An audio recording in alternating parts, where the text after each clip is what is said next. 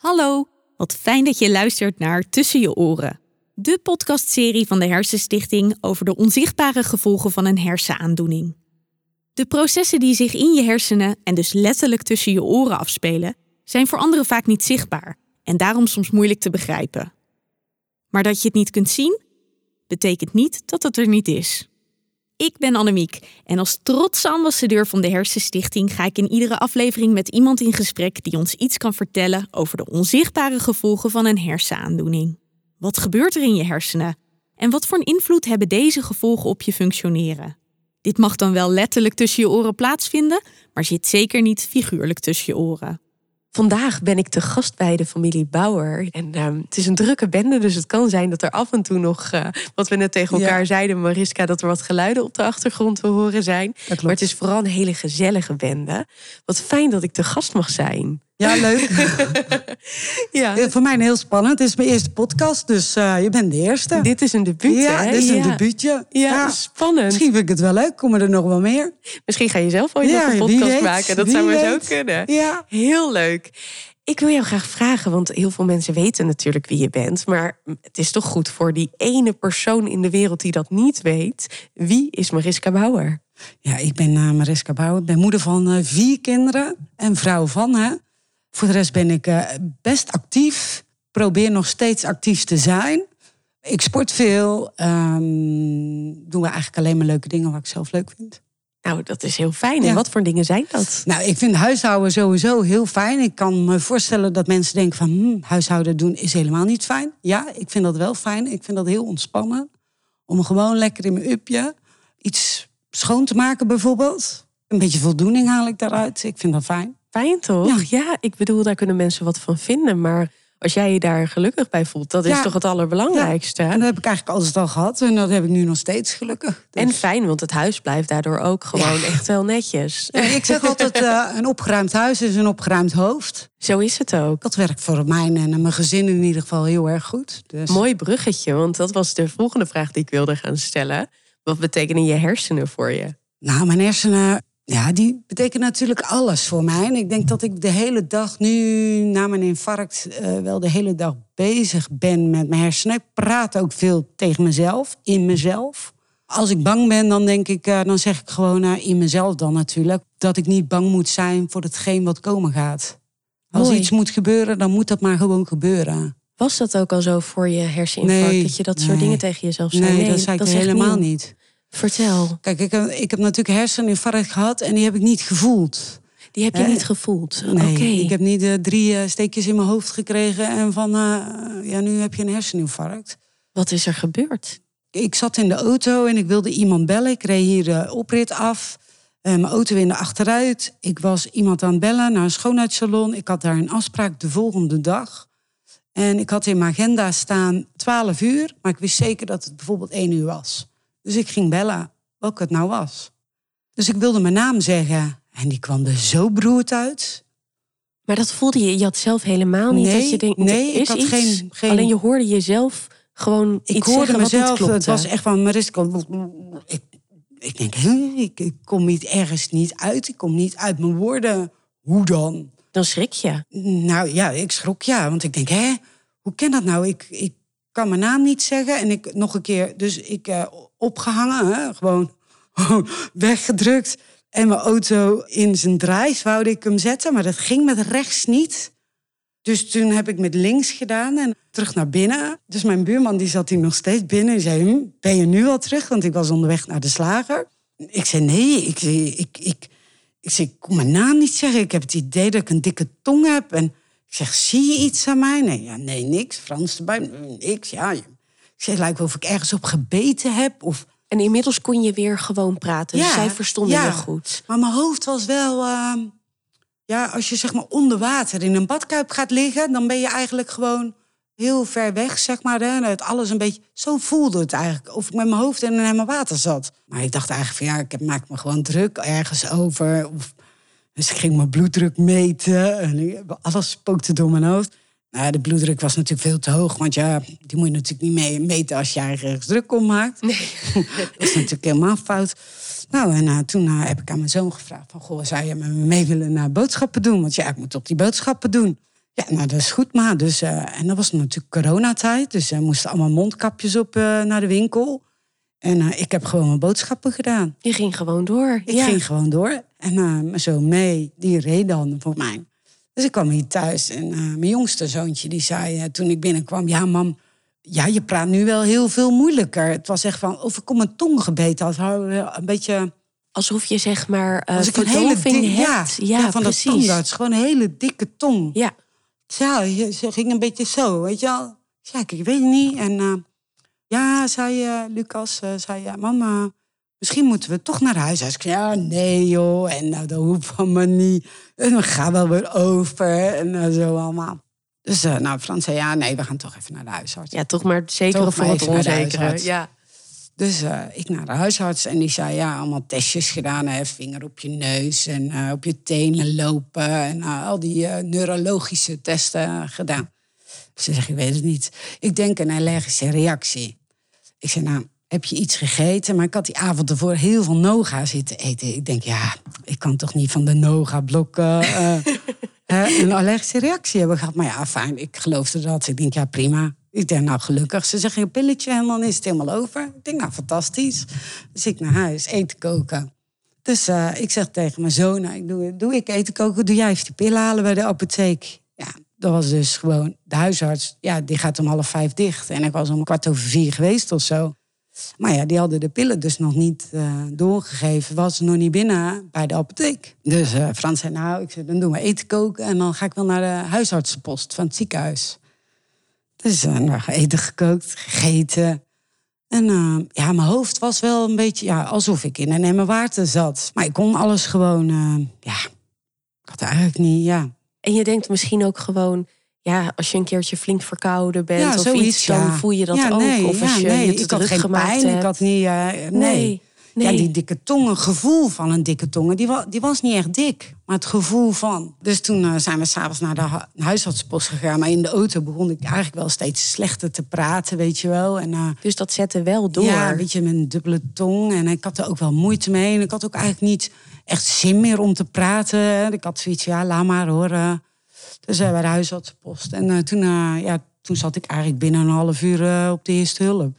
Dus zij zagen wel meteen dat er iets aan de hand was? Of ja, zij, hun hadden zoiets van, ja, dit, is niet helemaal goed. En wat was voor hun, weet je dat nog? Wat het punt was dat zij dachten, oh, dit is echt niet helemaal goed. Ja, jij eerder niet met het praten. Het praten. en omdat mijn man zei, Frans zei echt van, jongen, jongens, het is gewoon niet goed. Het is niet echt een, een legische reactie. Ja. Oh. Oh, dat geeft niks. Kan Dit gebeuren. is uh, mijn alarm. Pillen innemen. Nou, dat moet gebeuren. Pillen innemen. dat hoort Ik ben nog wel eens vergeetachtig. Dus mijn kinderen, mijn oudste zoon... die heeft gewoon voor ieder uur dat ik mijn pillen in moet nemen... medicijnen in moet nemen... heeft hij een wekker gezet. Nou, ga maar even Zodat doen. Zodat ik uh, mijn medicijnen in kan nemen. Ik heb ook gewoon zo'n pillendoosje en maak gewoon iedere week helemaal klaar. Ja, dat is wel handig. Uh, iedere zondagavond zit ik alle pillen uh, te doen. en dan die wekker. Ja, iedere keer was oh shit, weer mijn pillen vergeten. Oh shit, nou, niet vergeten, maar gewoon niet op het juiste tijdstip. Weet je, je moet wel. Ja. Voor mij heeft dat wel lang geduurd voordat ze. Ik was in het begin al heel erg duizelig. Maar dan kom je, ja, je krijgt ineens van geen medicatie, krijg je ineens heel veel medicatie. Ja, je lichaam moet er ook aan wennen. Na een half jaar was het eigenlijk pas goed ingeregeld. Dus ik hou me echt, probeer ik me echt aan die tijden te houden. Ja, dan is het ook uh, zeg maar structuur die je hanteert. Juist. Ja, snap en, ik. En dat werkt gewoon het beste. Nou ja, dat geeft juist ook wel weer aan waar je allemaal rekening mee moet houden, toch? Ja, dat zeg ik. Mijn leven was van geen pillen naar uh, drie keer per dag gewoon wel ja. een pillen nemen. Dat is gewoon een aanpassing die, die je meekrijgt. En dan nog uh, heel veel andere dingen. Ja, daar gaan we het zo leven. over hebben. We ja. gaan nog eventjes terug naar de huisartsenpost. Want jij zei van nou, zij hadden meteen door dat het uh, niet oké okay was. En dat je toch meteen naar de eerste hulp werd gestuurd. En dus wat gebeurde daar? Ja, daar kreeg ik natuurlijk allerlei onderzoeken, bloedprikken, scans maken. Uh, CT-scan wordt er gemaakt. Maar als de prop er nog in zit, dan kunnen ze dat niet zien op een CT-scan. Ah. Dus dat was bij mij het geval. Dus ze zagen eigenlijk niks op een CT-scan. Dus het was er nog, ja. maar dat was gewoon onzichtbaar. Ja, dus toen uh, moest ik een nacht blijven. En toen s'nachts kwamen ze hier natuurlijk, uh, kijk, infuus. En om het uur kwam mijn zuster uh, mij wakker maken. En dan moest ik testjes doen. Wat weet ik echt niet meer, moet je me niet meer vragen hoor. Zal ik niet doen. En ik weet alleen nog dat, dat ik s'morgens om, denk om zes uur kwam er een arts met een glaasje water. En medicijnen. En die zei dan van, ja, je bent vanochtend eerst aan de beurt voor een MRI-scan, want we denken dat je een, uh, een CVA hebt gehad. Ik zei, een wat? Ja, we denken dat je een CVA hebt gehad. Maar dan hing mijn mond hing al, mijn arm kon ik niet optillen. Dus het was alleen maar ook nog verder gevorderd ja, ja, dus ik was ja. uh, zeg maar uh, rechts verlamd. Jeetje. Ja, maar dat, toen ik in dat bed lag, ja, en dat was zo vroeg. Was je natuurlijk een beetje slaperig, had je dat niet zo in de gaten. Dus ik lag s morgens om kwart over zeven, half acht s morgens in de MRI-scan.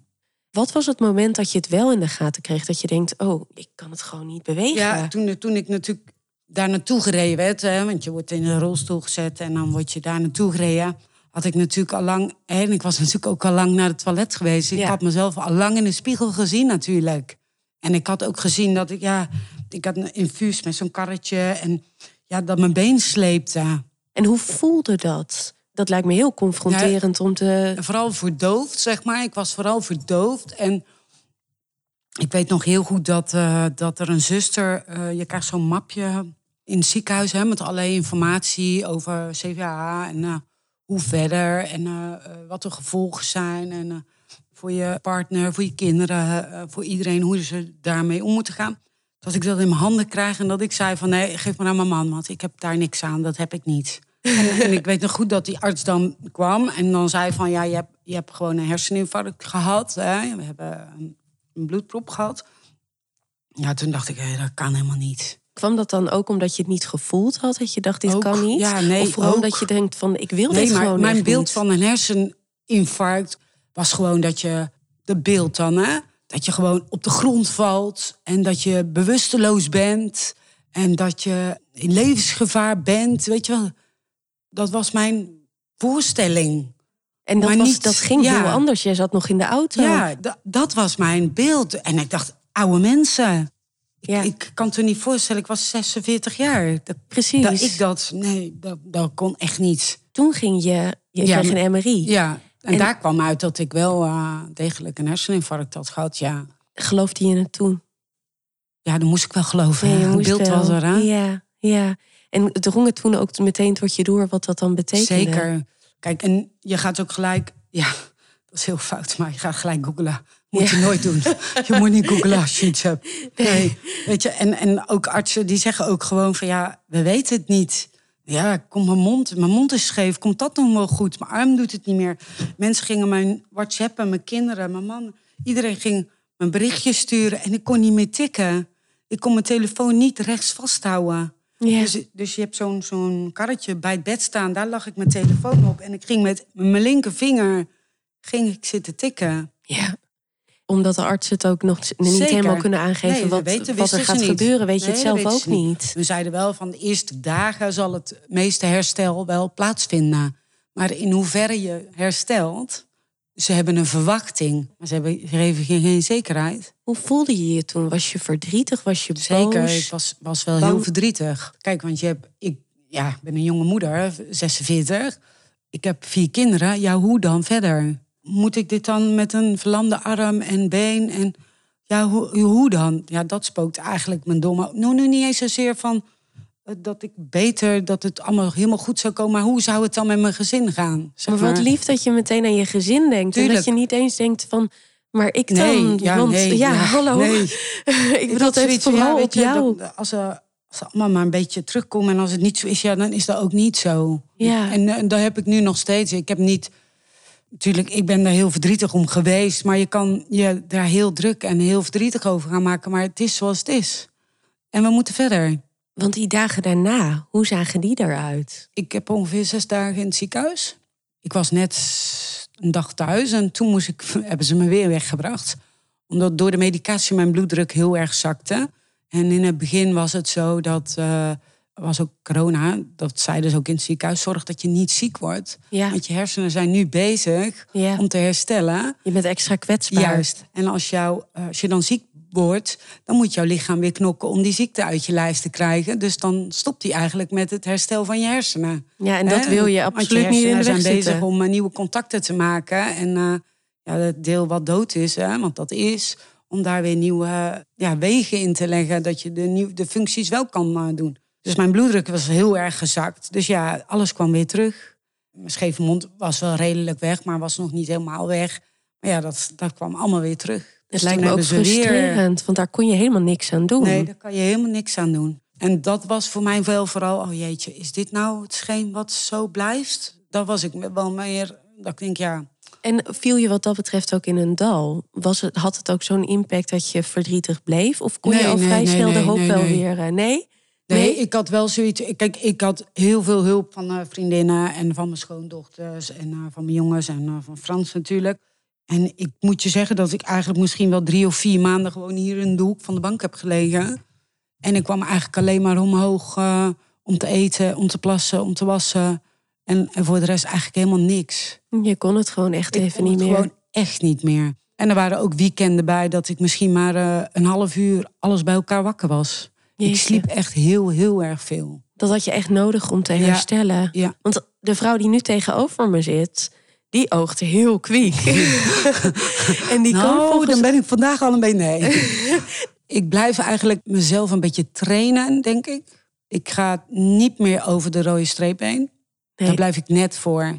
En ik zorg dat als er iets, s'avonds iets gebeurt... waar ik energie voor moet hebben, dat ik dat wel hou. Dus je bent daar heel bewust mee Ja. bezig. En ik weet nu een beetje waar ik mijn energie uit kan halen. Ontspannen momenten creëren. Dat klinkt heel gek, maar ik ga heel vaak gewoon in mijn buiten zitten. Ja, de een pakt een glas water, maar ik vind ijsje eten... dat is echt heel ontspannend, hoor. Eventjes, En eh, wandelen en zwemmen. Tuinieren. Ik doe heel graag... Ik heb een moestuin ben ik begonnen. Gewoon, eh, ja... Wat waren gewoon- momenten waarop je dat weer een beetje kon? Nu dit voorjaar pas. Moet je nagaan. Dus dat heeft meer dan een jaar verder. Ja, dat heeft behoorlijk geduurd. Vorig jaar heb ik eigenlijk voor mijn gevoel de hele zomer gewoon voor me uit zitten kijken. Dat ik wel dingen ondernam, maar heel snel ja, onzeker werd van iets doen. Kijk, zoals naar een pretpark gaan, dan hoef je met mij echt niet meer te doen. Dan word ik, Nee. word ik volgens mij echt niet gelukkig van. Dan ga je flink die rode maar streep dingen waar over. ik van weet, dat vind ik wel heel fijn. Dat heb ik vorig jaar wel geprobeerd. Maar dat ging voor mijn gevoel niet helemaal goed. Dus het was ook echt testen van waar ligt Ja. die rode streep. Zoals eh, eh, uit eten, heel groot restaurant. Ja, daar hoef je mij niet neer te zetten. Is het het geluid? Geluid. Is het alles wat je om je Ja, heen ziet? Te veel, te veel licht, mensen, geluiden. eh, zoals geluiden van, van die monotone geluiden, wat constant hetzelfde is. zagen, boren, Koffiezetapparaat, eh, koffiezet, ja. dat soort dingen. Of airconditionings. Licht, ook heel licht. En Ja. dan die drukte van mensen. Als je dan op zulke plekken bent, dan Ja. is het extreem veel. Ja. Maar ja, er zijn ook wel eens momenten, je zult als je naar de supermarkt gaat, dat het je overvalt, kan ik me voorstellen. Of ga jij heel bewust dat je zegt van nou, meestal is het zo laat en zo laat rustig. Ja, precies. Je gaat s'avonds. Ik ga s'avonds na het eten. Maar ik doe eigenlijk zo. Ik laat ook thuis bezorgen. één keer in de week. En dan is het voor bijna de hele week. Ja, precies. En ik haal gewoon mijn vlees eh, bij de slager. En mijn groenten haal ik gewoon bij het boer. En ja, geen pakje boter of wat ik dan een keer vergeten ben. Dat kan ik dan wel halen. Maar je Ja. moet mij, en ze moeten me ook niet aanspreken.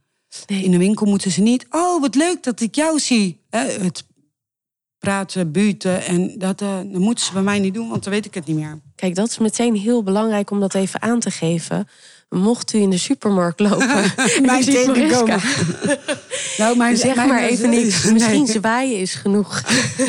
Oh nee, zelfs dat niet eens. Oh, zelfs dat. Het mijn zoon oké. zei al, mama, waarom doe je geen koptelefoon op in de winkel? Ja, zo'n noise in? Ja. Of de? Ik heb net het, eh, het boek Hersenschorsing van Margot Ros gegeven. Ja. Margot doet dat soms. Die heeft soms gewoon de noise canceller op. Ja, Dat, dan denk ik, ja, dan moet ik misschien met die koptelefoon in de winkel gaan lopen. Maar ik vind het ook, ja, ik denk als je, ik vind het ook zo vervelend dat, ja, dat ik dan mensen negeer. Of ja, want zo ben ik eigenlijk helemaal niet. Je bent heel sociaal en dan... ja. Ja. dus ik wil ook niet helemaal dat mijn karakter aangetast wordt eh, daardoor. dat begrijp ik ook. Ja. Eh, Wat is voor jou nou, als je kijkt naar hoe je voor die tijd was... en hoe je nu bent, hetgeen wat je het meest mist? Wat ik het meeste mis, is je auto sleutels pakken, je portemonnee en wegrijden.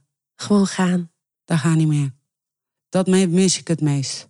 Een heel stuk autorijden alleen, dat, dat, dat lukt niet. Dat gaat niet meer. Nee, dat gaat Nee. niet meer.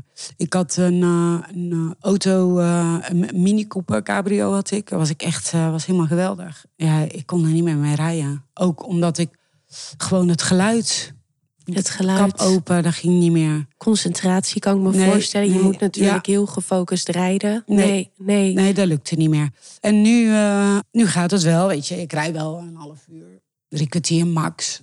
Alleen, dat, dat gaat allemaal wel. Maar dan moet niet heen en dan gelijk weer terug. Nee, ik moet ik wel eh, een paar uur eh, gewoon even niks of rustig. Of eh, net wat ik ga doen. Eh, en dan kan ik wel weer terug. Maar dat, ja, dat, ik mis dan dat wel het meest. Gewoon je dag gewoon pakken zoals die is. Dat, dat is niet meer. Ja, als ik naar jou luister, dan denk ik, volgens mij heb jij heel hard getraind om de vrouw te worden die jij nu bent. Ja, ja. Maar ja, je krijgt natuurlijk niet meer de vrouw terug die Nee. je ooit was. Nee, en ik denk ook wel dat ik wel. Ik ben niet echt op mezelf, maar ik ben wel graag alleen. Dat is het rustigst. Ondertussen gaat de deur even open. Kijk, zo gaat dat gewoon in Ja, het, hè? huishouden. We hadden het erover dat, ehm, dat ik zei van nou, volgens mij heb je inderdaad hard getraind om te zijn waar je nu, nu bent. En ben je daar ook heel erg mee bezig? Ben je heel erg op jezelf ook aan het letten van wat lukt me wel, wat lukt me niet? Waar ligt die Ja, rode ja, streep, zoals je zegt? Maar ja, er zullen momenten zijn dat je toch misschien meer wil dan dat je... Ja, dat is nog- soms heel frustrerend hoor. En dan kan ik soms echt kwaad worden. Dan denk ik, oké, is, dit nou, is het dit nou echt? Want het is niet altijd leuk. Zoals zeg maar een concert van Frans. Daar ben ik vorig jaar in mei, vorig jaar mei ben ik daar naartoe geweest. Met oordoppen in. Het vierde liedje zei mijn zoon Jan, mam, zullen we gewoon naar huis toe gaan? Die zag Want ik zat direct. alleen maar te geeuwen en, eh, en, en voor me uit te staren. En eh, ja, het kwam eigenlijk helemaal niet meer binnen. Dus toen ben ik naar huis gegaan naar vier liedjes. En dat is wel heel frustrerend, want ja, dat, kan, dat lukt mij gewoon niet meer. Dus eh, dit jaar, afgelopen mei, dan ben ik weer geweest. Toen stond hij in Roosendaal. Ik ga alleen maar kijken als het dichtbij is. Dus ik naar Roosendaal weer met mijn zoon Jan. Daar naartoe. En ik heb in de coulissen gestaan ja, dat ging wel op zich wel, maar ja, het licht, de geluiden. Toen ben ik in de zaal gegaan, hè, want het drumstel, ja, dat staat eigenlijk niet op het podium, maar dat zit in mijn hoofd. Komt zo heftig binnen. En toen dacht ik, nou, we gaan even in de zaal staan. Maar dat lukt me ook niet. Dus ik ben, nou ja, ver voor de pauze. Ik denk dat ik acht liedjes, zeven, acht, een paar meer als vorig jaar. En dan dacht ik, oh ja, nou, ik ben toch weer drie of vier liedjes verder. Ja, dat vind ik dan toch wel weer knap van mezelf. En ik zei ook tegen Jan, ja, misschien moet ik de volgende keer... Want je hebt natuurlijk licht en geluid.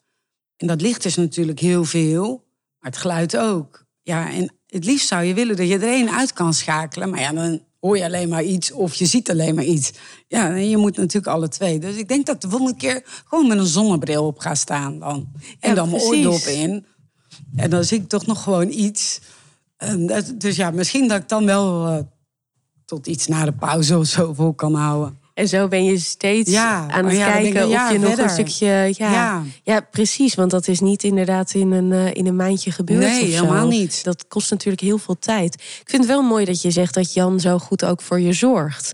Want Ja, hoe gaat jouw hoor. omgeving? Ja, je kreeg net, eh, er werd even Ja, een broodje ja, ja, ja. gebracht. Ja, er wordt goed voor me gezorgd. er wordt heel goed voor je gezorgd.